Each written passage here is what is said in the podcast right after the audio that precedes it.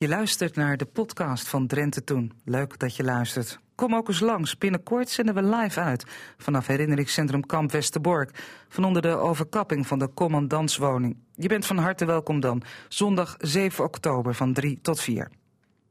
In deze uitzending beginnen we dicht bij huis. Letterlijk. Ons pand begon ooit als Rijks-HBS. In 1868 opende het de deuren en dit jaar wordt daarbij stilgestaan.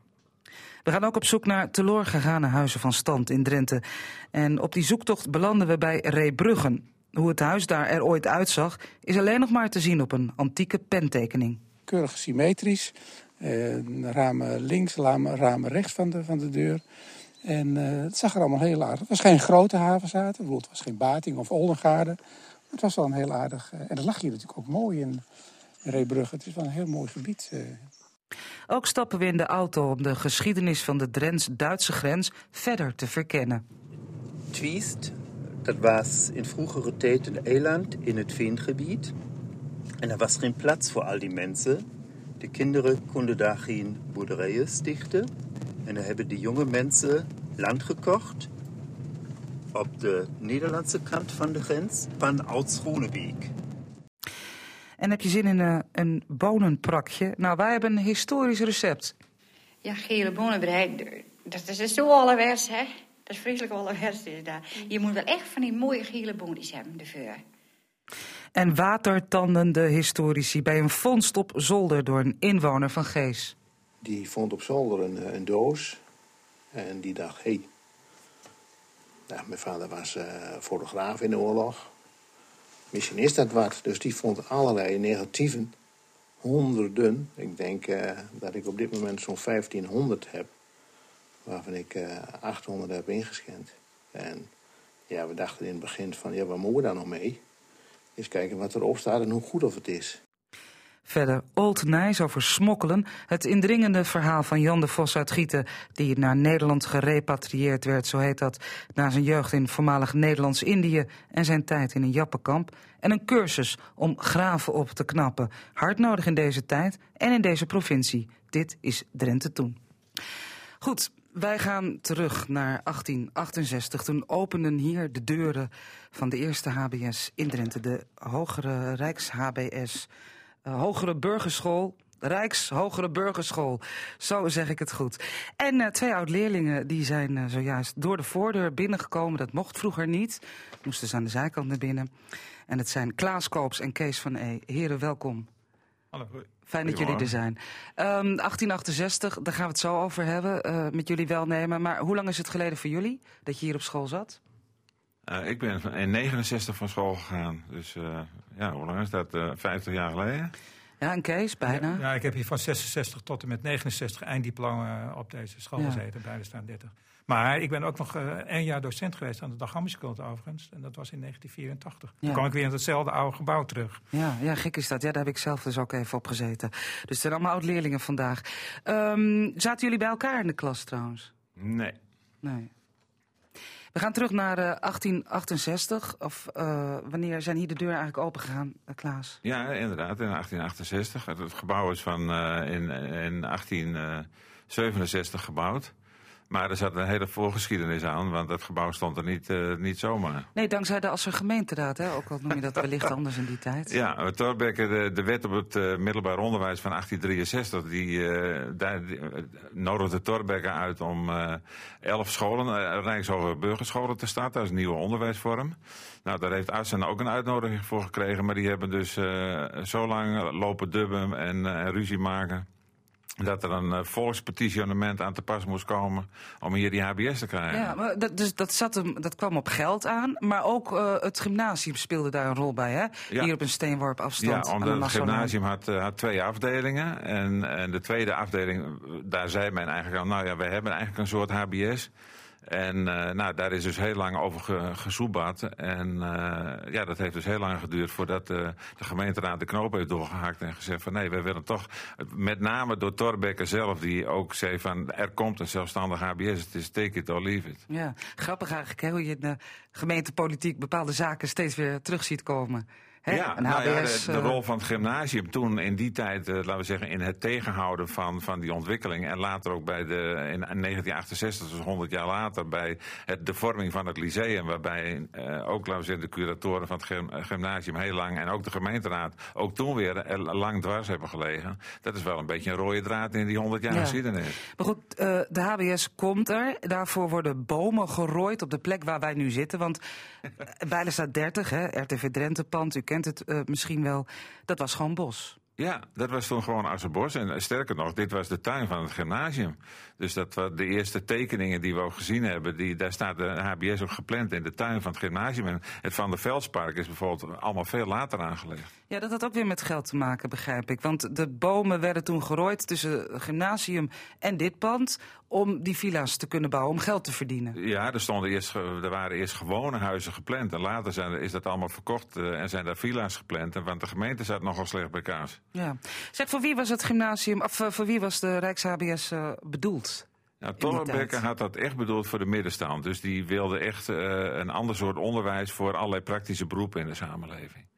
En die, die start van de HBS was toen ook een driejarige HBS. Het heeft tot 1877 uit mijn hoofd geduurd voordat er een vijfjarige HBS kwam. Mhm. Maar het was dus echt praktisch gericht. Ja, en ook eerst alleen maar jongens, hè? Ja, het, eh, pas veel later zijn de, zijn de eerste meisjes er Ja, gekomen. ik meen eh, 1876 eh, of zoiets. Ehm, je noemde het al even, die opleiding heet dan cursus in die jaren, gaat van drie naar vijf jaar. Maar ik vraag me af, hoe zaten ze er eigenlijk bij in die begintijd? Nou, in elk geval een heel mooi gebouw. ja, gloednieuw. Dat Alles klopt nog. Ja, gloednieuw. En alles, eh, laten we zeggen, zo, ja, zoals, je kunt nu nog zien, zeg maar, eh, ondanks alle verbouwingen, hoe dat er ongeveer eh, uitzag. Elektriciteit was er niet. Nee, dat was gas. En, en het stoken, dat gebeurde natuurlijk ook allemaal op kooks en, en, en dat soort dingen. Dus dat waren redelijk primitieve omstandigheden. Gymnastiek, En, ik geloof dat ook stromend water pas later is Ja. gekomen. Ja. Gymnastiek was er wel. Er was ook een gymnastiekzaal bij Vanaf gebouwd. de eerste dag, ja. Ja. Ja. En eh, wat ik leuk vind, wat ik in het boek gelezen heb, is dat er eh, eh, op gymnastiek, er werd er gemarcheerd. Maar er werd ook de jongens geleerd hoe ze een wapen vast moesten houden. Ja. Ja, we hebben ook rekeningen gevonden van het ministerie van Defensie... waarbij wapens zijn verkocht aan de school. Dus ze leerden echt exerceren in die tijd. Ja, dus dat was echt een disciplinaire aanpak. Van Ja. het ene lokaal naar het andere lokaal marcheren. Nee, dat was vooral buiten. oh, buiten Ja. marcheren. Ja. Ja. Eh, keurig en deftig heet het eh, in het boek eh, meerdere malen. Was dit een elitaire school? Vanuit het, toenmalige insteek natuurlijk niet. Want het was bedoeld voor, laten we zeggen, de, de, de middenklasse van de samenleving. Dus de elite, zou ik maar zeggen, in die tijd zat natuurlijk echt op gymnasium. En dus ja, dit was echt voor de middenklasse bedoeld. Dus in die zin was het niet elitair. Later heeft het veel meer, laten we zeggen, naar de komst van... van eh, eh, andere schooltypes heeft het veel meer de- de- het karakter van de elite gekregen. Maar de mensen die erop zaten, waren, er waren ook allerlei regelingen voor mensen uit gezinnen die het niet konden betalen en zo. Eh, de- en het is ook onze ervaring dat er, nou ja, uit alle milieus zaten, dat ging, dat ging inderdaad van de directeur van het ziekenhuis tot de ijskoopboer. Allerlei kinderen zaten erop. Ja. We gaan even met, eh met zeven mijls laarzen door de tijd heen. En dan komen we zo meteen, zo meteen ook uit bij, bij jou, Kees van E. Want dat gaat dan eh, ook meer over je eigen schooltijd natuurlijk. Ehm, de Eerste Wereldoorlog. Toevallig ook de eerste vrouwelijke docenten als die Eerste Wereldoorlog uitbreekt. Die hier op school komt lesgeven. Mevrouw van der Meulen, ja. Dat was me nogal wat. De, de oorlog heeft natuurlijk een enorme impact eh, gehad, omdat dat gebouw eh, dus geclaimd is eh, door de Duitsers. Ja, je, je gaat nu naar de Tweede Wereldoorlog. Oh, pardon. De, de, de, de komst van de eerste vrouwelijke docenten, dat duurde even, dat was me ook nogal wat. Ja. De meisjes ook, maar dat ging wonderwel goed samen, lees ik in het boek. Meisjes met jongens. Eerste Wereldoorlog, daar, ehm, daar merken we hier niet zo verschrikkelijk veel Nee. van. Spaanse griep daarentegen, en dat heb ik allemaal uit het boek wel, gaat de school dicht. Ja. Ja. En dan ja, de oorlog, de Tweede Wereldoorlog. En dat is echt, ehm, dat, dat is, daar is hier heel wat gebeurd. Ja, daar, daar, zijn, daar zijn verschillende dingen eh, gebeurd in, eh, in die periode. Kees die kan daar ook eh, laten we zeggen, wel op hoe zeg dat aanvullen. Als dat, maar goed, dit is dus, laten we zeggen, op een gegeven moment is die school geclaimd. Dus er is op een gegeven moment thuis, er is lesgegeven op andere scholen. Er is ook bij docenten thuis door lesgegeven. Door de Duitsers geclaimd. Ja, ja, door de Duitsers geclaimd. Er is ook een periode geweest in het begin van de oorlog dat er ook allerlei verzetsdingen waren. Docenten die ook, laten we zeggen, wilden dat er anti-Duitse liederen werden gezongen. Of, of, of juist niet. Dus dat is een hele ingewikkelde periode. Er zijn heel veel mensen, Joodse kinderen, afgevoerd. Die, die hebben daar ook allemaal na zitten trekken van waar zijn die allemaal gebleven. En dan hangt hier ook een plaquette in school ter nagedachtenis. Um, nou, de, de, uh, en het heeft ook nog wel even geduurd voordat die school weer na, na de oorlog uh, weer uh, echt ja, liep ja. zoals die moest lopen, zeg ja. maar. Dus dat is een hele, ja, dat, daar is ook echt hoofdstuk aan gewijd en dat is een indringende periode geweest. Ja. Ja. Dan wil ik er qua tijdvak graag ook nog even de jaren 50 uithalen. leerlingen van Kamp Schattenberg die hier naar school gaan. Ja, nou ja, een kenmerk van, van, van die hele schoolontwikkeling is ook dat je ook ziet dat er dus steeds nieuwe groepen op school komen. Dus je, je noemde al de meisjes. Maar dat is dus een bepaalde periode is dat ook bijvoorbeeld Kamp Schattenberg geweest, waarbij mensen van de Molukken uh, op school uh, kwamen. En uh, in de periode dat wij op school zaten, kregen we natuurlijk hier de NAM-invasie. Dus toen hadden we ineens, bestond de, hal, de, halve klas uit Nammers. Goed, ik zit hier met Klaas Koops en Kees van E. Beide oud-leerlingen van de HBS in Assen. De eerste HBS in Drenthe. Uh, andere steden volgden later. En een uh, HBS uh, ja, waar dit jaar een, een grote reunie voor op stapel staat, hè Kees? Ja, ja, absoluut. 12 oktober. Ja, vrijdag 12 oktober. En dan is het exact 150 jaar geleden dat in 1868 op 12 oktober de, de HBS is gestart. Ja. Um, er komt een boek, daar praten wij over vanmiddag. Uh, Kees, jij was hier zelf ook leerling. En ik, uh, ik noemde zojuist dat marcheren. Dan heb ik het echt over uh, nou ja, de jaren 1870. Maar in jouw tijd gebeurde dat nog steeds? Jazeker, jazeker. Uh, ik kwam in 1966 kwam ik in Assen. mijn ouders waren verhuisd van uh, Soest naar Assen. En ik zat daarvoor in Amersfoort op school. Ook op een Rijks-HBS en een andere school. Dus ik had al twee middelbare scholen achter de rug. Maar ik kwam hier en uh, dan stond uh, de heer Gramsbergen, wat gaf hij ook weer? Natuurkunde. Natuurkunde, ja. Die gaf natuurkunde en die stond daar boven aan de trap uh, te kijken. En ik, het was precies in het jaar nadat de heer Blikslager, dat was ook een hele formalistische man.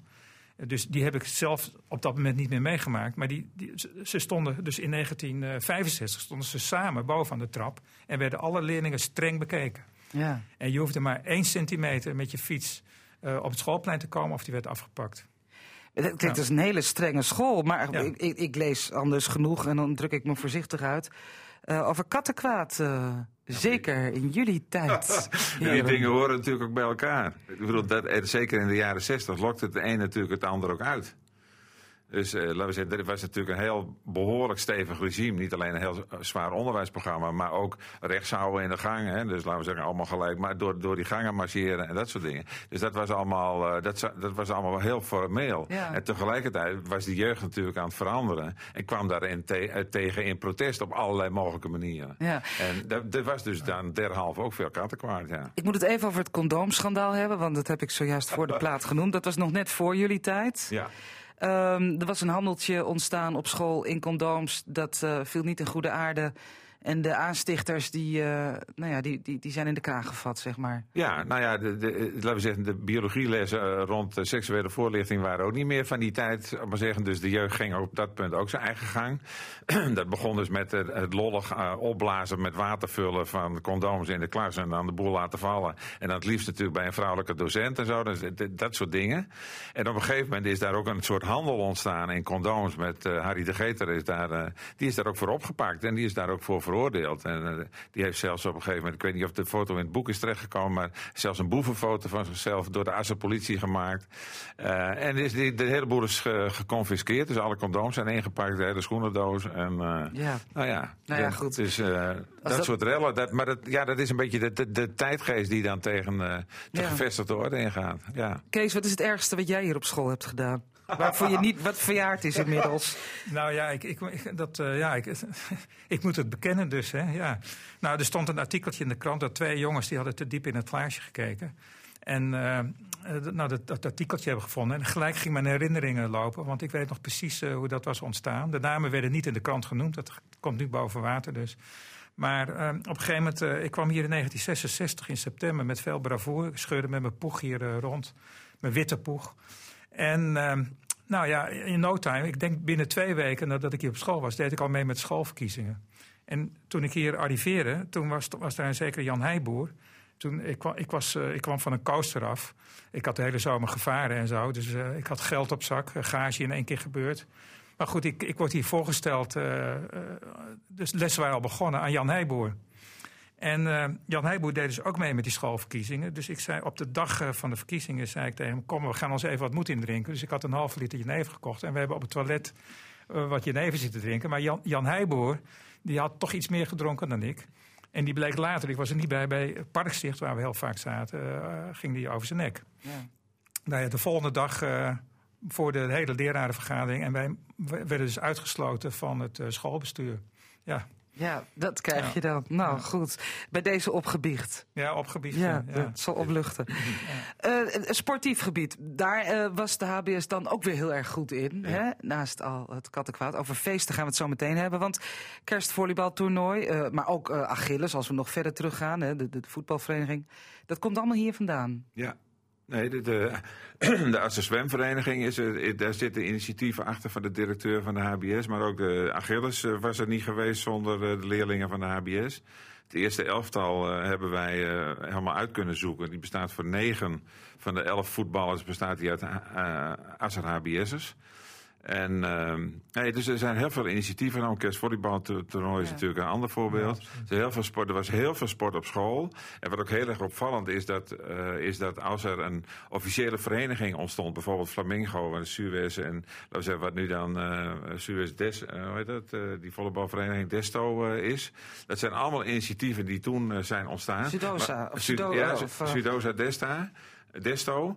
Maar die, uh, tegelijkertijd ging dat sport op school ook door. Dus er bleef hier ook geworden gevoetbald, gevolleybald ja. enzovoort. Ja, nou fijn. Dan kom ik namelijk ook vanzelf weer op die feesten. Want die feesten hoorden bij het sport, hè Kees? Ja. Kerstvolleybaltoernooi. Ja, ja. ja, absoluut. Nou, ik zat dus in het bestuur van het kerstvolleybaltoernooi. Ik was best een ijverig uh, type. Hè. Ik heb net even een andere indruk gewekt. Geen ijverige leerling, maar vooral de buitenschoolse activiteiten. Die waren natuurlijk heel mooi. En dat kerstvoorbeeld, het, het, het, gekke was toen ik hier in Assen kwam, was het ook een beetje de overgang van de oude Dixieland muziek en van die feestjes, een beetje formele, stijve feestjes, naar natuurlijk QB en de Blizzards toe. En, en dat, dat, was een heel groot verschil eigenlijk van, van de oude jazzachtige dingen naar de popmuziek. En we weten allemaal dat toen de hits uh, gescoord werden door de QB hier in, in Assen. Dus ja. voor, voor, mij was Assen een uh, ja. enorme feestje. En uh, jij zat dan ook in Bellevue, waar ja. het uh, gegeven werd, ja. uh, waar het ge gehouden werd, het kerstvolleybaltoernooi feest. Ja. En dan nam je alle tientjes in ontvangst, want jullie hadden een behoorlijke opbrengst. Ja, ja, absoluut. En, en, zeker als je, als je bedenkt ook in die tijd hè, van de gulden. Maar de, de hoeveel was de entree? Was een tientje? De entree was een tientje. En nou waren er wel een serie uh, uh, volleyballers, die, dat, dat, dat, was eigenlijk een beetje inclusief natuurlijk in het hele verhaal. Maar er kwamen toch zo'n 1500 tientjes uh, binnen op zo'n avond. En die, die, die drukten we in een geldkistje. Nou, dat was niet zo'n groot kistje, dus we moesten het echt erin proppen. Ja. En het aardige was dat de portier, dat, dat, dat zal ik eigenlijk nooit vergeten... We moesten het natuurlijk tellen, stapeltjes van 10. En dan deed hij natuurlijk één keer 9 en één keer 11... om te kijken of die jochies van 17 en 18, of die, of die wel goed opletten. Ja, dus we werden daar ook nog wel een beetje opgevoed. Zeg, um, op een gegeven moment houdt het op. Hoe, na, niet meteen door jullie, maar nadat jullie van school vertrokken, wanneer was dat, Klaas? Wanneer is de HBS opgehouden met bestaan? Toen de Mammoetwet... De HBS uh... is formeel bij de, bij de Mammoetwet uh, opgehouden ja. te bestaan. Dat was in 1966. Uh, maar daar is vervolgens een, een, een uitvoeringsprobleem kwam daarachter vandaan. Dus pas in 1968 is, is, zeg maar, zijn er echt stappen ondernomen om allerlei dingen te veranderen. Maar de diploma's en zo, die, zijn, die bleven nog een poosje gelden. Dus leerlingen die op school zaten, die konden dat diploma nog halen. En in 19, uit mijn hoofd 73 is de laatste, zijn de laatste HBS'ers hebben hun diploma gehaald. En in meen 72 het laatste MMS. Ja, maar in, in, in 73, dat was een bezemklas voor heel Drenthe. Ja, dus maar, al diegenen die... Maar die zeg maar, hoofdzakelijk bevolkt door HBS'ers uit Asa. Ja, dat wel. maar dat waren zeg maar, de, de, zoals Bernd Otter... Uh, die, die je vast wel goed kent. Nou ja, Bernd heeft een verhaal geschreven. Dat staat ook in het Assen Historisch Tijdschrift dat onlangs afkwam. Met als titel 1972 het roerige afscheid van de HBS. Dat ging over een, een stunt met nou ja, maatschappij ontwrichtende effecten, zeg maar. Ja. Uh, dat was echt heel erg. Nou, ik zou zeggen, lees dat blad.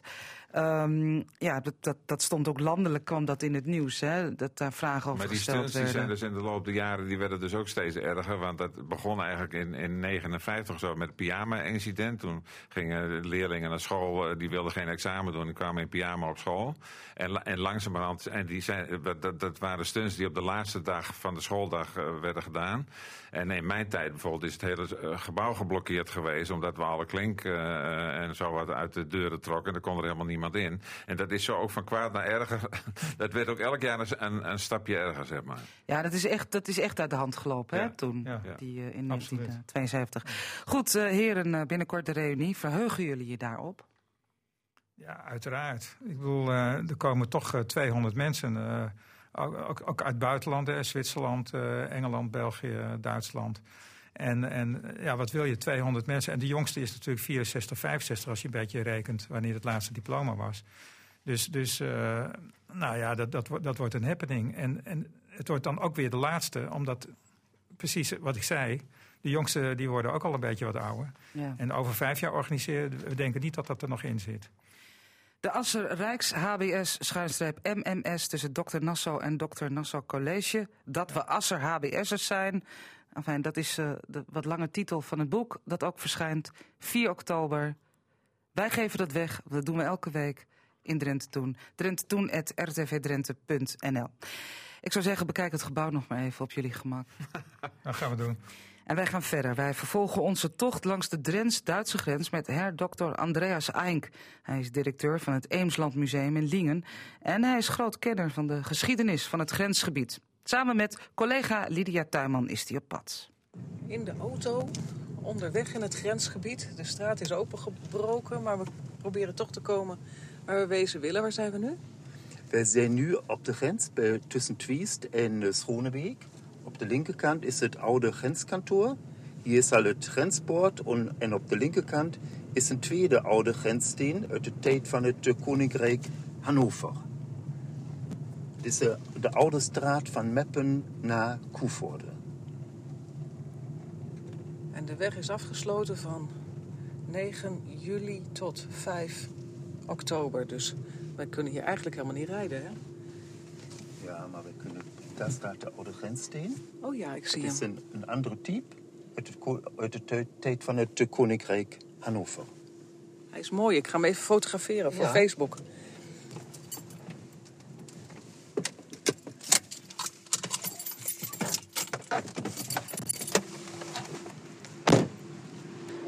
Even een foto maken van deze grenssteen. Hoeveel uh, van die grensstenen zijn hier eigenlijk geplaatst? Oh, dat zijn er uh, 150.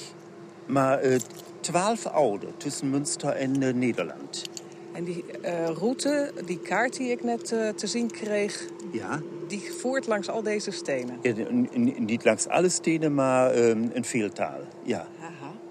En de grens gaat van hier richting uh, Noordzee in één lijn. Daar is uh, geen versprong. Het gaat altijd rechtdoor. Oké.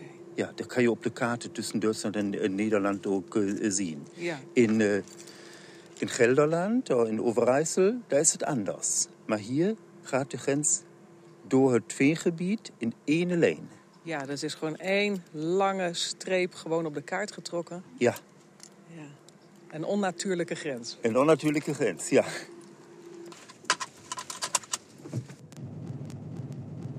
Die mensen uit het Eemsland, die waren allemaal Rooms-Katholiek.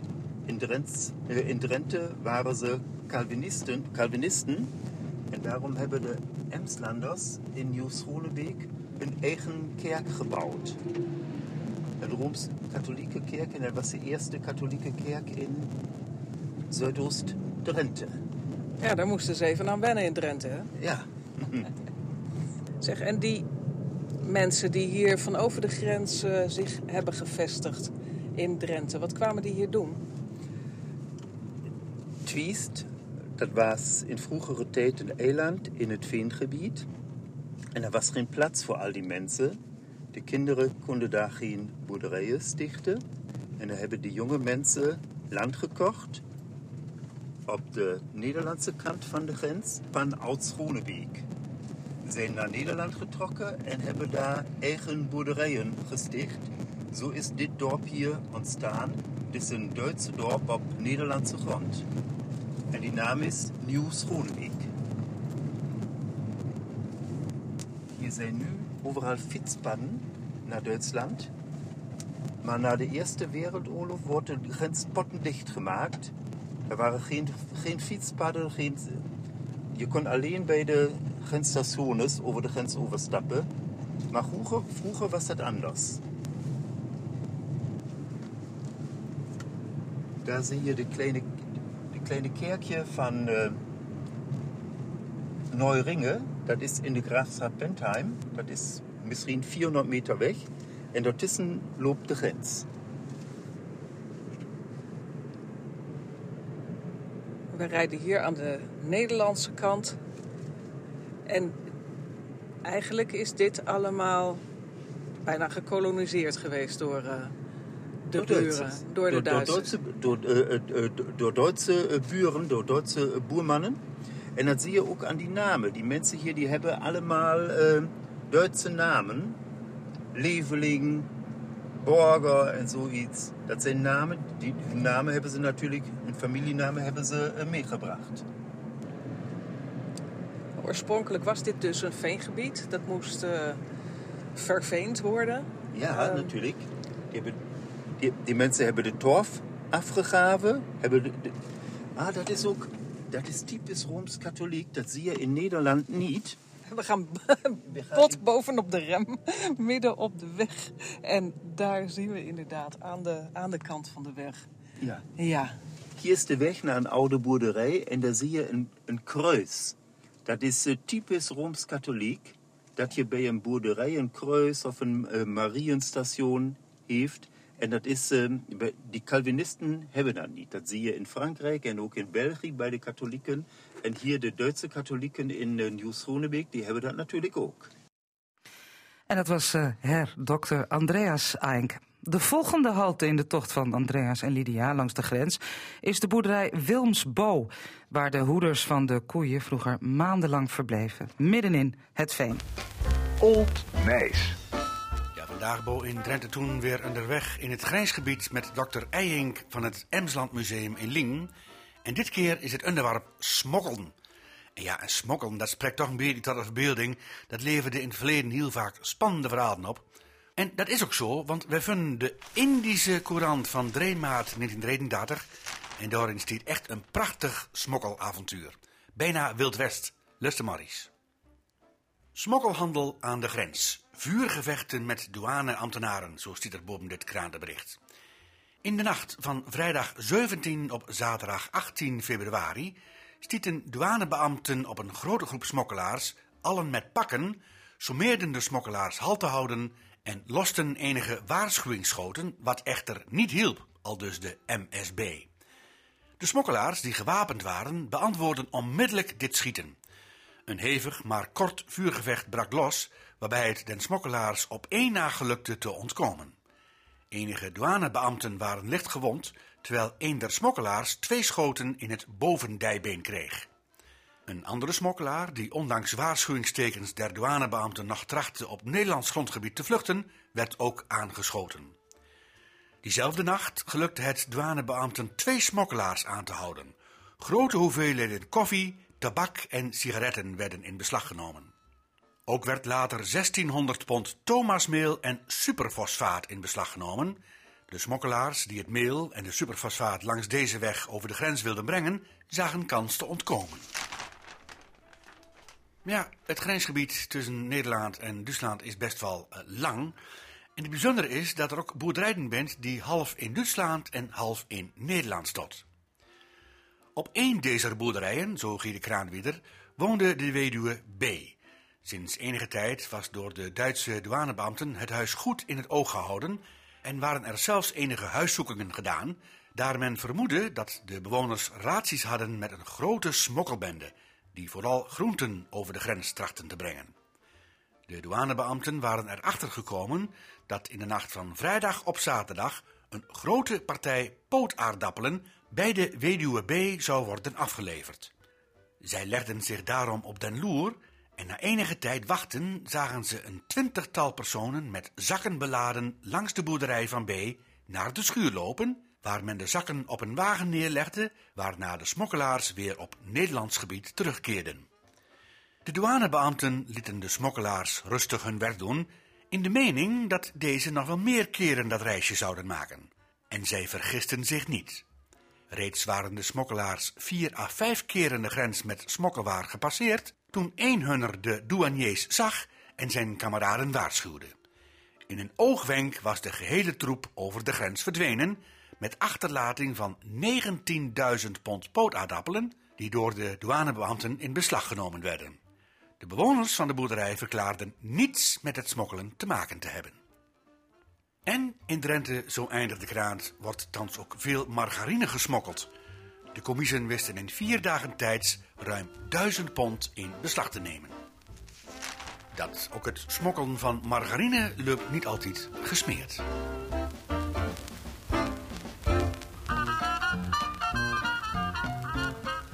Radio Drenthe presenteert opnamen uit het archief. Voor iedereen die nog trek heeft in een uh, warm hapje, we doken uit het Rono-archief een wel heel bijzonder streekgerecht op. Ja, net als anders hadden er smorgens hebben ook non een recept voor je, maar een recept uit vroege tijd. In 1970 toen vertelde Jantje van Luc de Vries uit Nerg hoe ze het volgende recept van gele boonbrei. Ja, gele bonenbrei, dat is zo allerwers, hè.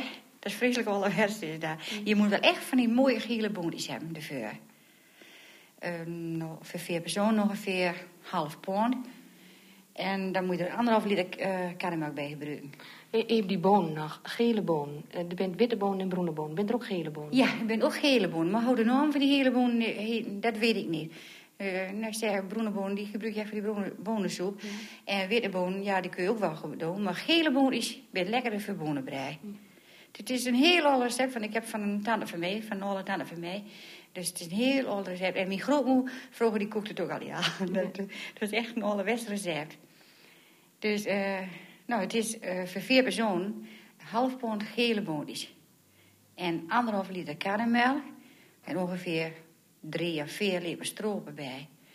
Als ze nog zoiets in willen, nou ja, dan kun je er dan weer niet bij doen dan, hè. Maar dat, dit is het recept eigenlijk dan. Dus, en die bonen, die moet je eigenlijk door zoveel in de week zetten. En die kook je heel goor. Niet zo goor dat, dat ze helemaal stuk zijn. Ze moeten nou wel heel wezen. En dan gooi, dan gooi je die karamel die gooi je aanmaken met een, met een beetje bloem. Ja. Met een beetje meel, zeg maar. Hè? De kale karamel? De kale karamel, ja, anderhalf liter. En dan doe je nou zo'n beetje meel in, even aanruien. Dan doe je anderhalf liter. Ja. En dan gooi je dan zo op die gore bonen. En dan gooi je allemaal ruien, maar dan schift dat. Want karamel dat schrift zo gauw, ja. hè. Dus, en dan moet je net lang ruien tot het weer kookt. En dan wordt een beetje gewoon, nou, pap, zeg maar, zo sausie, hè, meer. Ja. En dat is dan brei. En dan op het allerlaatste, dan je die drie lepels stropen door. En dan heb je een beetje broenige kleur. Hm. En het wordt een beetje gebonden door de bloem. Ja. Die boon moet hij ook eerst even uh, afschonnen worden? Nee, die moet zo gekookt worden.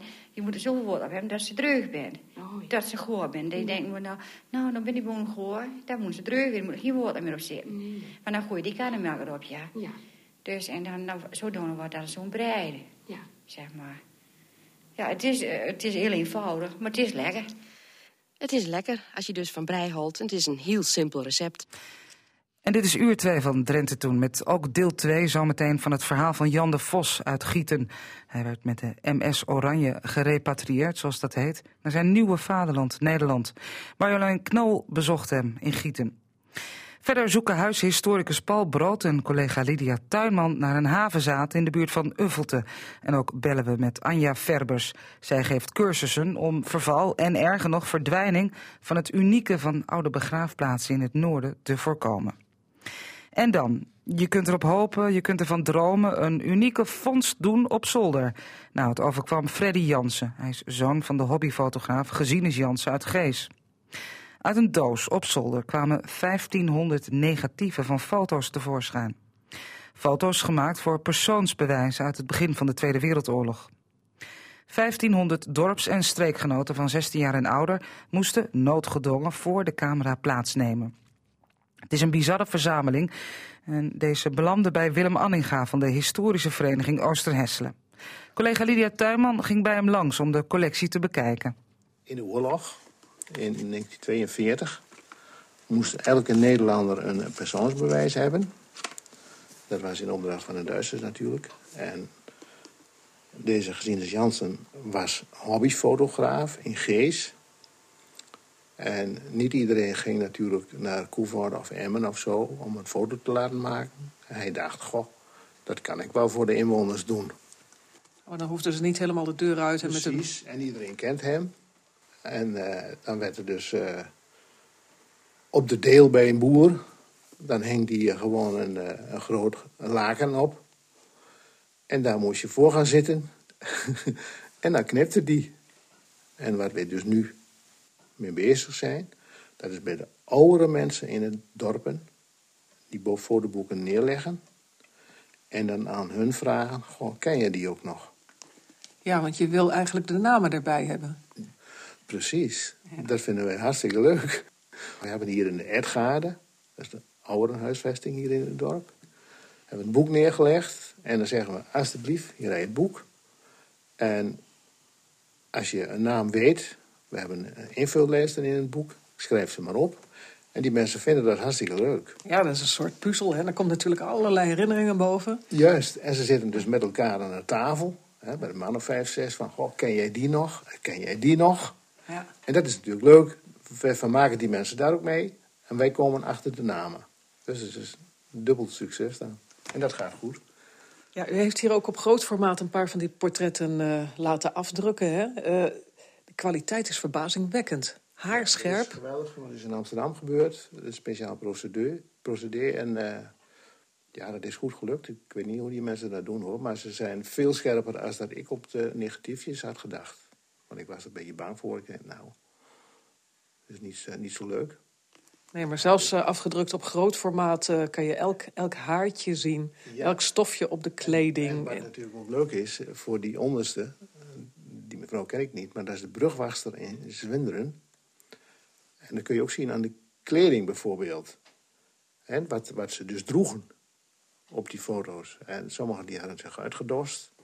Uh, wat wel eigenlijk uh, opvalt bij al die foto's... dat ze een beetje serieus keken. Het was natuurlijk toch wel in de oorlog. Ja, het is niet leuk om op de foto te moeten voor, voor een uh, persoonsbewijs van de vijand. Precies, ze wilden eigenlijk liever niet. Nee.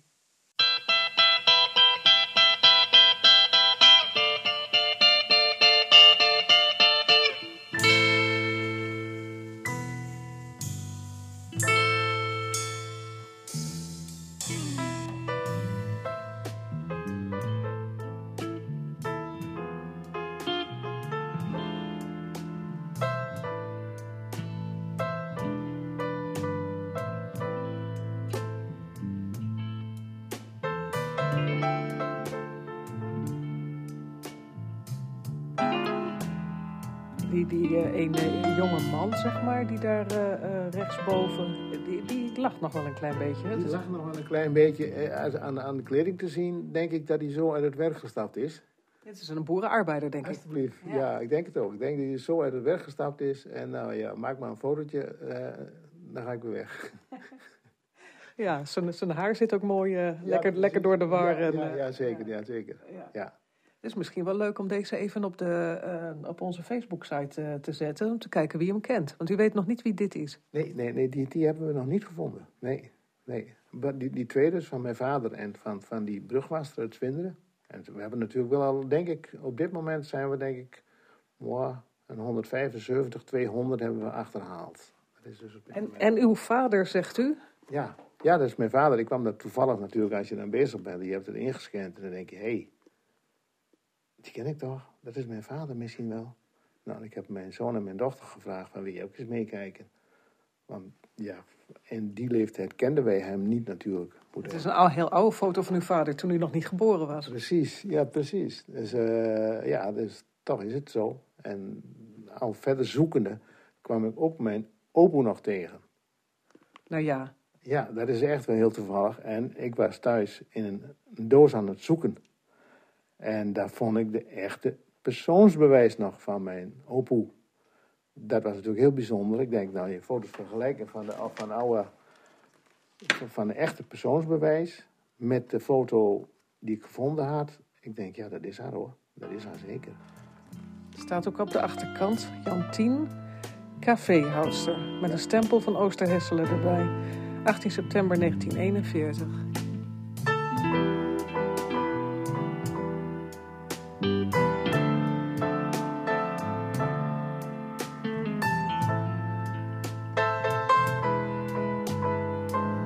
En u bent nu bezig met al die plaatjes in te scannen. Dat is monnikenwerk. Dat is zeker monnikenwerk. Dus ik denk dat ik er nu al wel uh, duizend uur in heb zitten. En ik ben zeg maar uh, op driekwart van de hoeveelheid die ik heb. Dus er moeten nog meer komen. Maar af en toe dan, uh, ja, je komt wel juweeltjes tegen natuurlijk, ja, hè? Ja, ja, Wat, oh, die is leuk, dat meisje met die sproeten, wat een schatje. Ja, zeker, ja. Ja, dat is echt spannend werk gewoon. Mooie oude kartonnen mapjes waar de negatiefjes in zitten. Ja. Voor uw afdrukken Lupex. Voor uw vergrotingen Brovira. Nou, wie kent ze niet? Kent Ik ze niet meer. Precies, nee, nee, nee, nee. We kijken nu naar het uh, beeldscherm van de computer en er staan inderdaad honderden portretten op. Ze kijken allemaal naar, uh, naar links, hè? Dat moest ja, zeker. dat moest zeker, ja. ja. Veel uh, boerenmensen, als ik het zo zie. Hè? Het is natuurlijk ook een boerenstreek. Ja, natuurlijk. we weten ook niet precies. We hebben dus ook gekeken, mensen uit Geesbrug bijvoorbeeld, of die erop staan. Uh, wij wonen zelf op Oost-Hesselse brug, die staan er wel op. Maar ik heb ook zelfs eentje gevonden van een oom van mij. Die. Oh ja, ja. En die woont op Wezenbebrug. Vrolijke jonge kerel. Ja. Met, met een kuifje. Ja. ja. En ik heb uh, die foto naar de familie gestuurd. Dat is ook een familie van mij natuurlijk. En kijken van, goh, kennen jullie hem? Ja. En die zeiden van, ja, dat, dat is mijn vader. Dus die woont op Wissebebrug. Dus er zijn, we hebben ook al de historische vereniging in Aalden en Zwelo gevraagd van, goh... Erbij gehaald om erbij te kijken. gehaald, ja. ja. Maar ja, het is nogal wat om 1500 portretten uh, bij langs te gaan om te kijken of er eentje bij ja, is die maar goed, we geven dat boek af en uh, zoek het, de, tijd genoeg. Kijk, ja, zoek het maar even lekker zoek, uit. Zoek het maar even lekker uit, ja.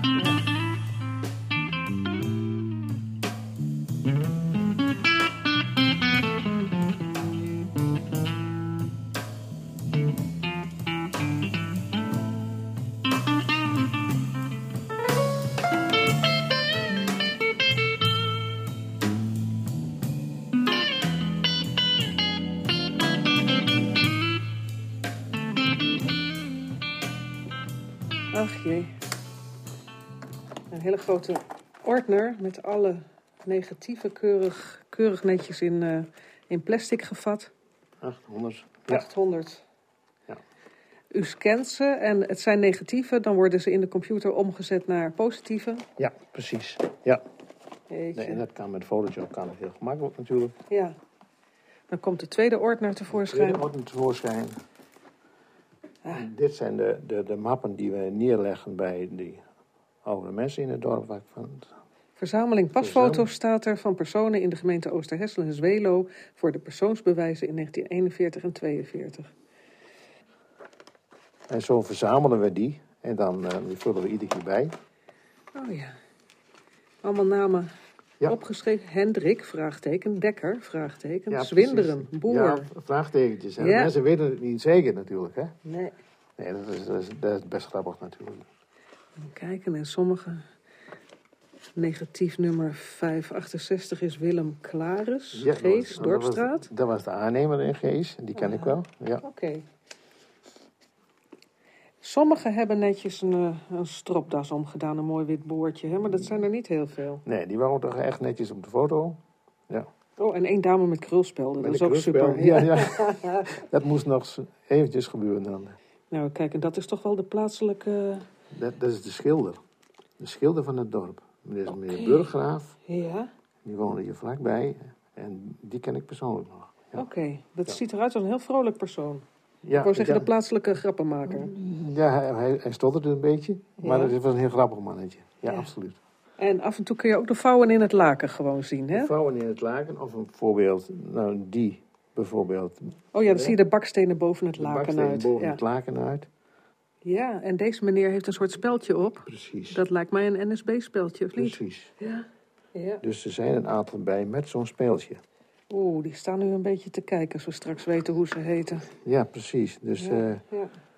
er zijn er niet veel. Kijk, hier eentje nog. Oh ja. En daar eentje nog. Ja. Dus die zijn er dus... Uh, die zijn er gloeiend bij. Die zijn er gloeiend bij. Jee, het is echt een schat die jullie gevonden hebben. Ja, het is, het is geweldig. Ja, we zijn er ook echt blij mee. Ja. ja. Dit is toch mijn lievelingsfoto. Dat meisje met die sproeten. Die vind ik echt hè? geweldig. Ja. er is nog niet van bekend wie dat is? Nee, nee, dat hebben we nog niet gezien. Maar hoe dat moet de laatste namen nog bijwerken. Van, ja. Uh, ja. ja.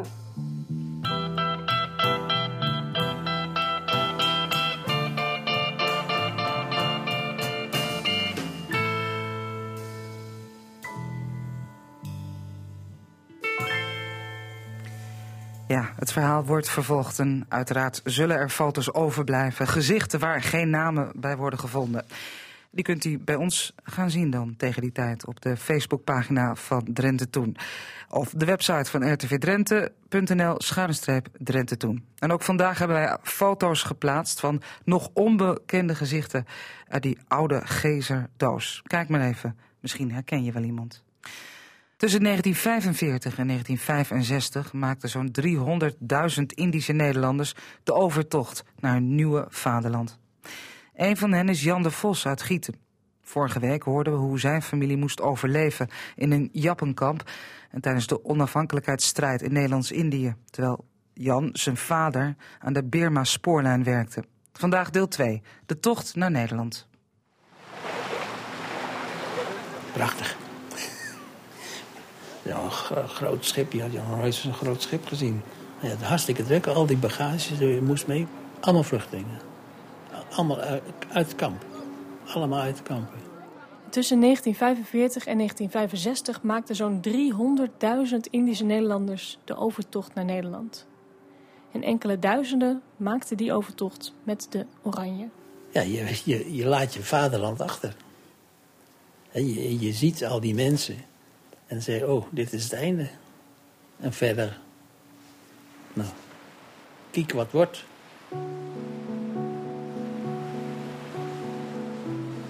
De overtocht duurde drie weken. Begon je toch kattenkwaad uit te halen. Wij gingen het ruim in en dan vonden we uh, verrotte sinaasappel. Die oranje kwam uit uh, Australië. En dan hadden we sinaasappelgevechten. Fantastisch. Als kleine jongen. Totdat we ons uh, gesnapt werden, ja, dan moesten we weer uh, iets anders verzinnen. Maar wat Jan het meest is bijgebleven zijn de zeemansgraven. Op boot waren veel zieken mee en een aantal van hen overleefde de tocht niet. In het kamp, als er dus iemand overleden was, een, een maatje, dan bracht je die uh, op een grobak. Op, op Dat is een soort houten karretje. Bonkend, zonder respect, bracht je dan het lijk naar buiten. Later mocht dat niet meer, maar in het begin wel.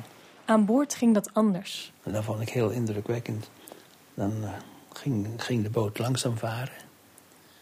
En dan waren die, uh, die lijken die waren ingepakt in doeken, lakens. En die gingen dan heel langzaam, gingen ze wel eens in zee. Die kregen gewoon een zeemansgraf. En dan stonden de matrozen ook daar keurig correct.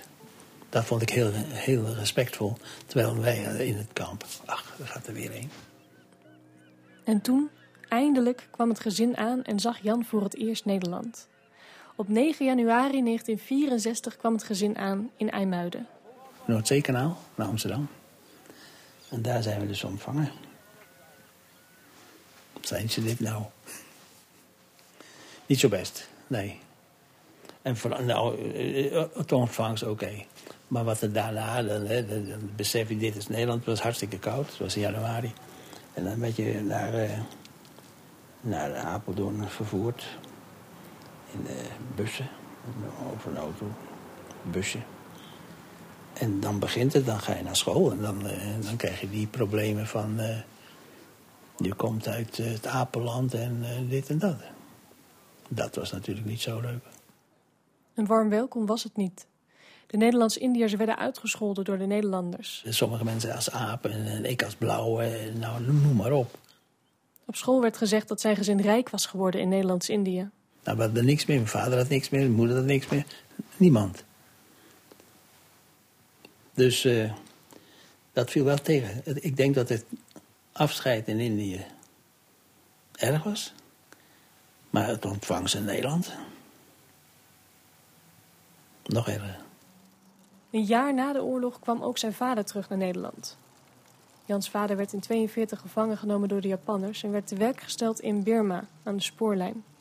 Jan herinnert zich zelfs nog de dag, 27 juli 1946.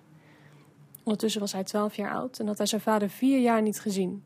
Vier jaar waarin Jan in een jappenkamp had geleefd, zich staande hield op de Sawa-velden in het jongenskamp en later met zijn moeder, broer en zusje de onafhankelijkheidsstrijd meemaakte. Je bent eh, volwassen geworden, je hebt op je eigen benen moeten staan. En dan zie je plotseling je vader.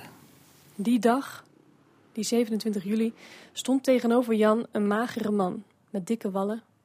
En Jan herkende hem niet. Nou, ik vroeg aan hem, zeg, wie ben je? Nou, toen zegt hij, ik ben je vader. Nou, en achteraf dan denk je, god, wat heb je gezegd, man? Het duurde jaren voordat zijn vader weer helemaal de oude was. We werd het natuurlijk nooit weer helemaal als vroeger. Maar erover praten deed het gezin niet. Nee, ik weet wel wat er gebeurd is, want ik, ik lees boeken. Ik heb boeken gelezen, maar hij praat er nooit over. Echt wennen aan Nederland bleef moeilijk voor het gezin. Tijdens zijn studie in Delft kreeg Jan pas echt weer goede vrienden. We hebben toen een klein clubje op, opgericht met elkaar, de Seven Club. Deze vrienden ziet hij nu nog steeds elk jaar. Vrienden, zegt hij, die moet je koesteren. Zijn broer, die met tuberculose meevoer op het schip, is in Nederland weer beter geworden en kreeg een goed leven, net als zijn zus. Janse vader kreeg op latere leeftijd een hersenbloeding, waarna zijn moeder hem jarenlang verpleegde. Zijn vader overleed op 71-jarige leeftijd. Niet, geen sterke man, maar doorzetten. Zijn moeder werd 96 jaar. Jarenlang was ze vrijwilliger bij een stichting die Nederlands-Indiërs hielp met het wennen aan Nederland. Ze hielp families bijvoorbeeld om goed met geld te leren omgaan. Een zorgzame vrouw die ook alles over had voor haar kinderen. En Jan? Later mocht hij voor zijn werk nog regelmatig naar Indonesië reizen, waar hij erg van genoot. Nog steeds praat hij niet graag over de laatste periode in Nederlands-Indië, maar, zegt hij... Iedereen krijgt een tik mee. Of het nou goed of slecht is.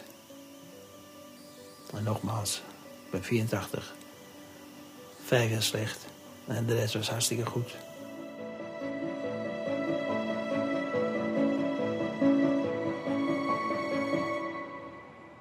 U hoorde een bijdrage van verslaggever Marjolein Knol in gesprek met Jan de Vos uit Gieten. En het was ook deel 2 van het verhaal van Jan de Vos. In het Scheepvaartmuseum in Amsterdam is sinds begin deze maand een tentoonstelling over het schip de MS Oranje te zien. Daar is het verhaal van Jan de Vos ook te horen, naast dat van andere gerepatrieerden. Een alleraardigst mooi huisje van stand, al dus onze huishistoricus Paul Brood. In hun wekelijkse zoektocht gaat hij samen met collega Lydia Tuinman op weg eh, naar een havenzaten in de buurt van Uffelte.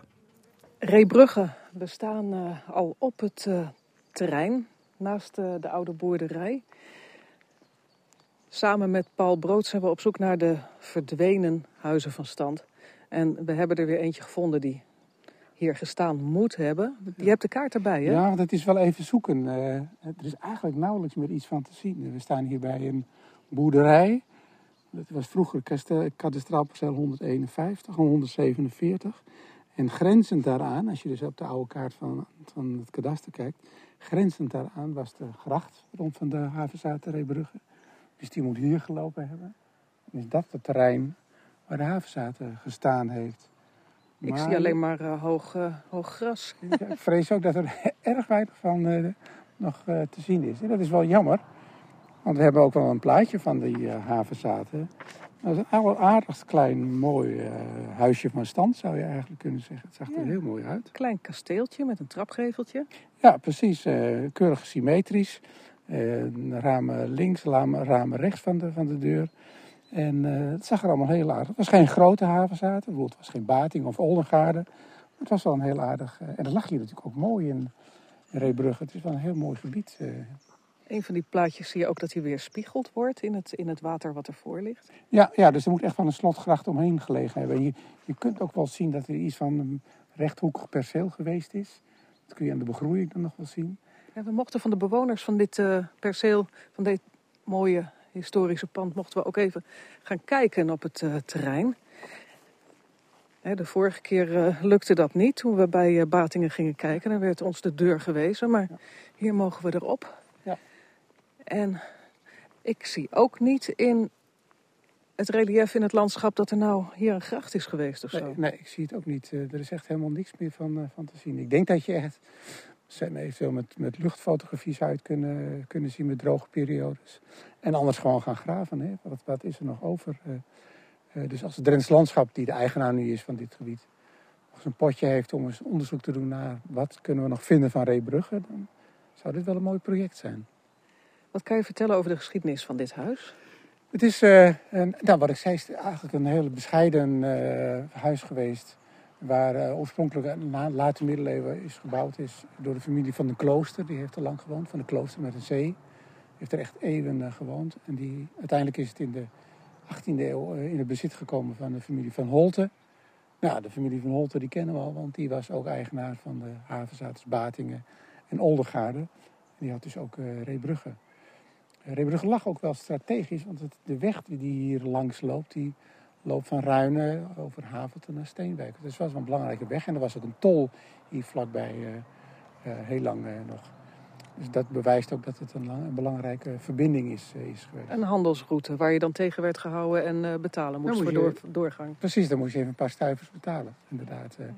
Dus, en eigenlijk is het uh, nog, het, het, het, landgoed is eigenlijk nog mooi, het, het hele gebied hieromheen. Wat Reebrugge heet. En iedereen kent het als nou, een mooi bosrijk gebied. Waar nog wat boerderijtjes staat, waar het Drents landschap voor zorgt. Maar ja, het dankt toch zijn naam eigenlijk vooral aan die havenzaten die er gestaan heeft. En die er niet meer is. En dat was ook echt een havenzaten, dat was niet een adellijk huis? Nee, nee hoor. Dat was, dit was, uh, je was verschreven in de ridderschap als je eigenaar was van de havenzaten Reebrugge.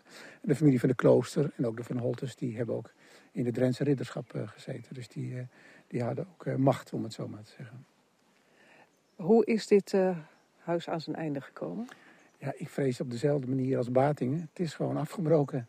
Ook in diezelfde tijd. Meneer Van Holten was toen eigenaar. En die had niks meer met die oude huizen. Die heeft ze allemaal af laten breken. En heeft ook dus Reebrugge laten afbreken rond 1830. Daar heeft die Drenthe geen dienst mee bewezen, hè? Nee, en nu zouden we daar heel anders naar kijken. Maar we kunnen nu ook niet vergelijken met toen. Je moet je dan voorstellen dat daar zo'n uithuis staat waar je niet meer in te wonen is. Ja, wat moet je ermee? Er was nog niet echt een besef van monumenten zoals we dat tegenwoordig hebben. Dus ja, laat maar afbreken, dan heb je er ook geen last meer van.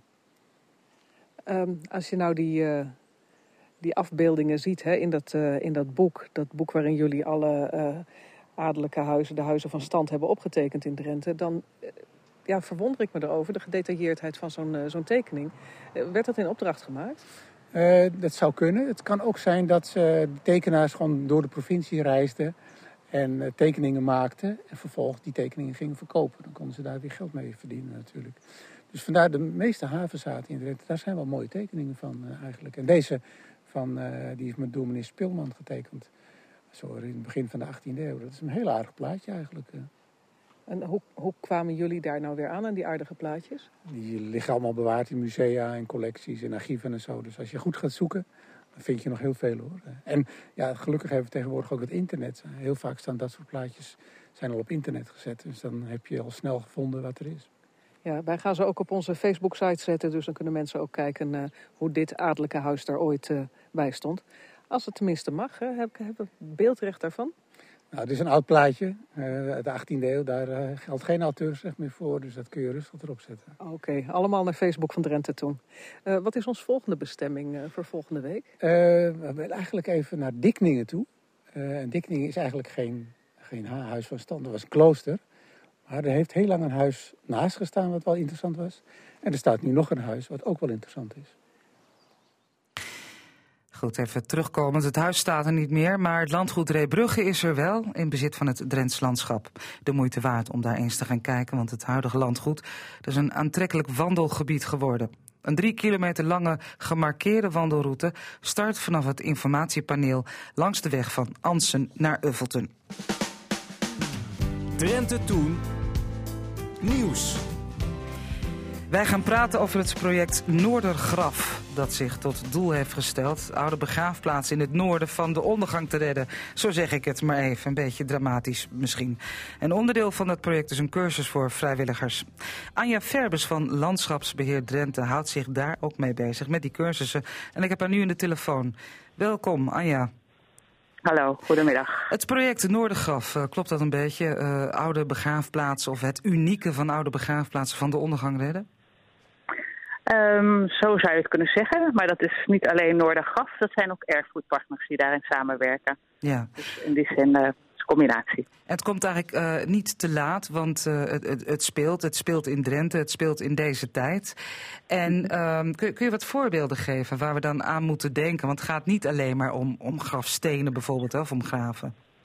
Nee, het gaat niet alleen over de stenen. Het gaat ook over de begraafplaats op zichzelf. Het groene gedeelte van Vaak ligt er uh, van oorsprong een ontwerp uh, aan de grondslag.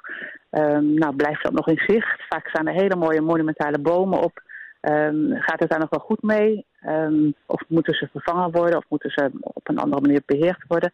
Maar het gaat ook uh, over inderdaad de kwaliteit van de grafstenen. of het wel of niet monumentale grafstenen zijn. soms kan een heel eenvoudig kindergraf bijvoorbeeld ook heel karakteristiek zijn voor een bepaalde tijd. En het gaat ook, uh, in het kader van Noordergraf gaat het onder andere ook om de inventarisatie van de graven die er zijn. Om te kijken, om er een waardering zeg maar, aan te kunnen koppelen. Ja, het gaat dus om uh, oudere begraafplaatsen. En ja, dan, dan hebben we het toch wel over begraafplaatsen die zeg maar al in de 19e eeuw of misschien nog eerder gebouwd zijn, hè? Jazeker, het gaat echt om, maar wel om algemene begraafplaatsen. Het gaat niet specifiek over Joodse begraafplaatsen waar even wat verwarring over was. Maar het gaat juist over de voor de algemene begraafplaatsen. Ja. ja. Maar goed, als ik bijvoorbeeld naar Assen kijk, uh, we hebben de zuidenbegraafplaats, de noorderbegraafplaats en de Joodse begraafplaats. Daar zou wel enige restauratiewerk kunnen plaatsvinden op die Joodse begraafplaats. Ja, maar bij Joodse begraafplaatsen is het zo dat, dat, dat uh, die geme Joodse gemeenschap dat niet wil. Dat die Joodse begraafplaats, daar moet rust zijn.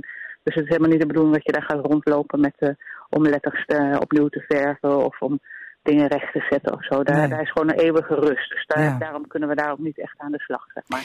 En even terug naar die algemene begraafplaatsen. Um, het is ook niet zo dat alles opgeknapt moet worden. Hè? Bepaald verval nee. heeft ook een zekere schoonheid in zich. Zeker, ja. En daarom willen we juist ook, daarom, daar is die cursus onder andere ook voor, van je moet gewoon heel goed afwegen wat je gaat doen. En soms zijn mensen zo enthousiast en dan willen ze alles wel netjes oppoetsen. Maar juist dat willen we niet. We moeten echt gewoon heel goed kijken naar ja, wat is gewoon de waarde van zo'n element? En uh, die, die, mag best eens een beetje scheef staan of die mag best uh, ja, wat minder goed eruit zien. Maar, als het, maar je moet bijvoorbeeld kijken als een steen op omvallen staat, uh, ja, zet je hem dan wel recht of laat je hem scheef staan als het geen gevaar is voor de steen zelf of niet voor een gast daarnaast. Dan zou je hem misschien gewoon zelfs kunnen laten staan. Maar dat zijn allemaal afwegingen die, ja, die je moet nemen op het moment dat je aan de slag gaat ja. op zo'n begraafplaats. Ja. Nu ben je al begonnen met uh, cursisten uh, elders in het noorden. Ik weet niet precies waar. Uh, nee, we zijn nog niet begonnen hoor. Nee, we oh. starten het eind oktober. Dus oh, als er nog ik. mensen zijn, dan ja. kunnen ze nog meedoen. Maar, ja. maar waar, waar, kom je dan terecht? Want jullie gaan aan, aan, de slag in de gemeente Borgen-Ordoorn, hè? Klopt, ja, klopt. En we gaan aan de slag in Borgen-Ordoorn. Daar hebben we, we hebben nu best wel veel belangstelling, maar dat is ook van mensen uit de hele provincie. Dus in Borgen-Ordoorn en omgeving kunnen best nog mensen meedoen. En we hebben gewoon drie avonden waarbij we echt maar, meer vanuit de theorie uh, naar dingen kijken. Ook, ook, bijvoorbeeld het juridische aspect. Mag je wel gewoon uh, als vrijwilliger een begraafplaats op en met een graf aan de slag? Of uh, willen eigenaren dat misschien helemaal niet? Dus dat hoort er ook bij. Maar ook nou ja, allerlei aspecten van de graven. En dan hebben we twee ochtenden, twee zaterdagochtenden, waarbij we echt op de begraafplaatsen zelf gaan kijken. En dat zal waarschijnlijk tweede valt mond worden of um, uh, Zand. En eentje in uh, Borgen of Borgen zelf. Ja. En mensen kunnen zich nog opgeven voor deze cursus? Ja, ja, als er belangstellenden zijn, dan kunnen ze nog meedoen, ja. Hoe doen ze dat? Uh, ze kunnen het beste een e-mailtje naar mij sturen of naar Landschapsbeheer Drenthe in het algemeen. Dat maakt niet zoveel uit, dan komt het wel bij mij. En uh, mijn uh, adres is a.verbers.lbdrenthe.nl a.verbers.lbdrenthe.nl Zeg, ja, en het is misschien een beetje een rare vraag aan jou, maar ik stel hem toch. Wat is, jouw, wat is de mooiste begraafplaats van Drenthe voor jou? Oh, dat vind ik echt inderdaad een hele moeilijke, hele moeilijke vraag. Dan noem er eentje, één die mooi is. Eén die mooi is, nou die in Assen is echt mooi, maar um, ja. De, de Noorderbegraafplaats? Ja, ja, precies. Die is wel heel mooi. Ja, ja. dat klopt. Maar ja, ik ken ze ook niet allemaal eerlijk gezegd hoor. Dus ik nee. vind het ook moeilijk om daar echt een uitspraak op te doen. Maar, maar die is wel het is, mooi. Het is wel een die je noemt waar ook al gewerkt wordt door vrijwilligers ja, uh, aan, zeker, uh, ja. aan de graven. Dus uh, dat is hard nodig. Ja. Anja, dank je wel voor je toelichting. En ik hoop dat je veel enthousiaste cursisten krijgt. Bedankt. Ja, nou graag gedaan. Joe, doeg. Het is tijd geworden voor onze inmiddels al gebruikelijke uitsmijter. Collega Robert Oosting leest een stukje voor uit het boek Jeugdherinneringen van Wiebe Kruijer. Deze 80-plusser schreef 300 bladzijden vol met prachtige korte schetsen van zijn jeugd en het Ilderwolde van vroeger.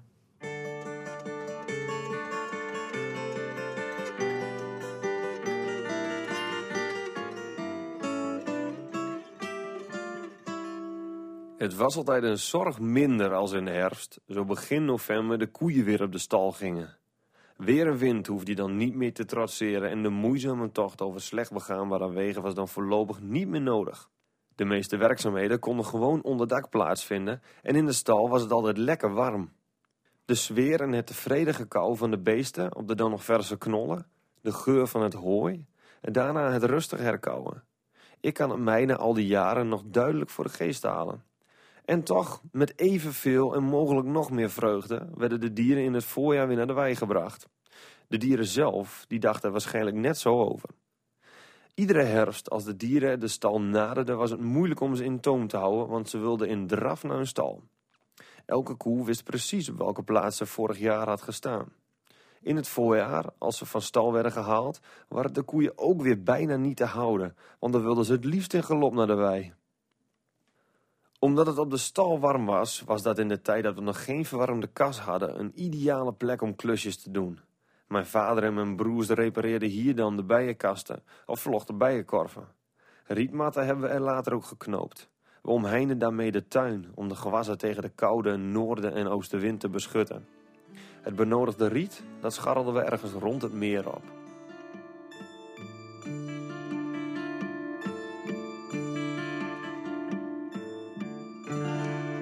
Je luisterde naar de derde podcast van Drenthe Toen. Vond je het leuk? Kom dan terug en vertel het door. Luister ook eens naar onze andere podcasts van Cassata bijvoorbeeld of de Sportcast.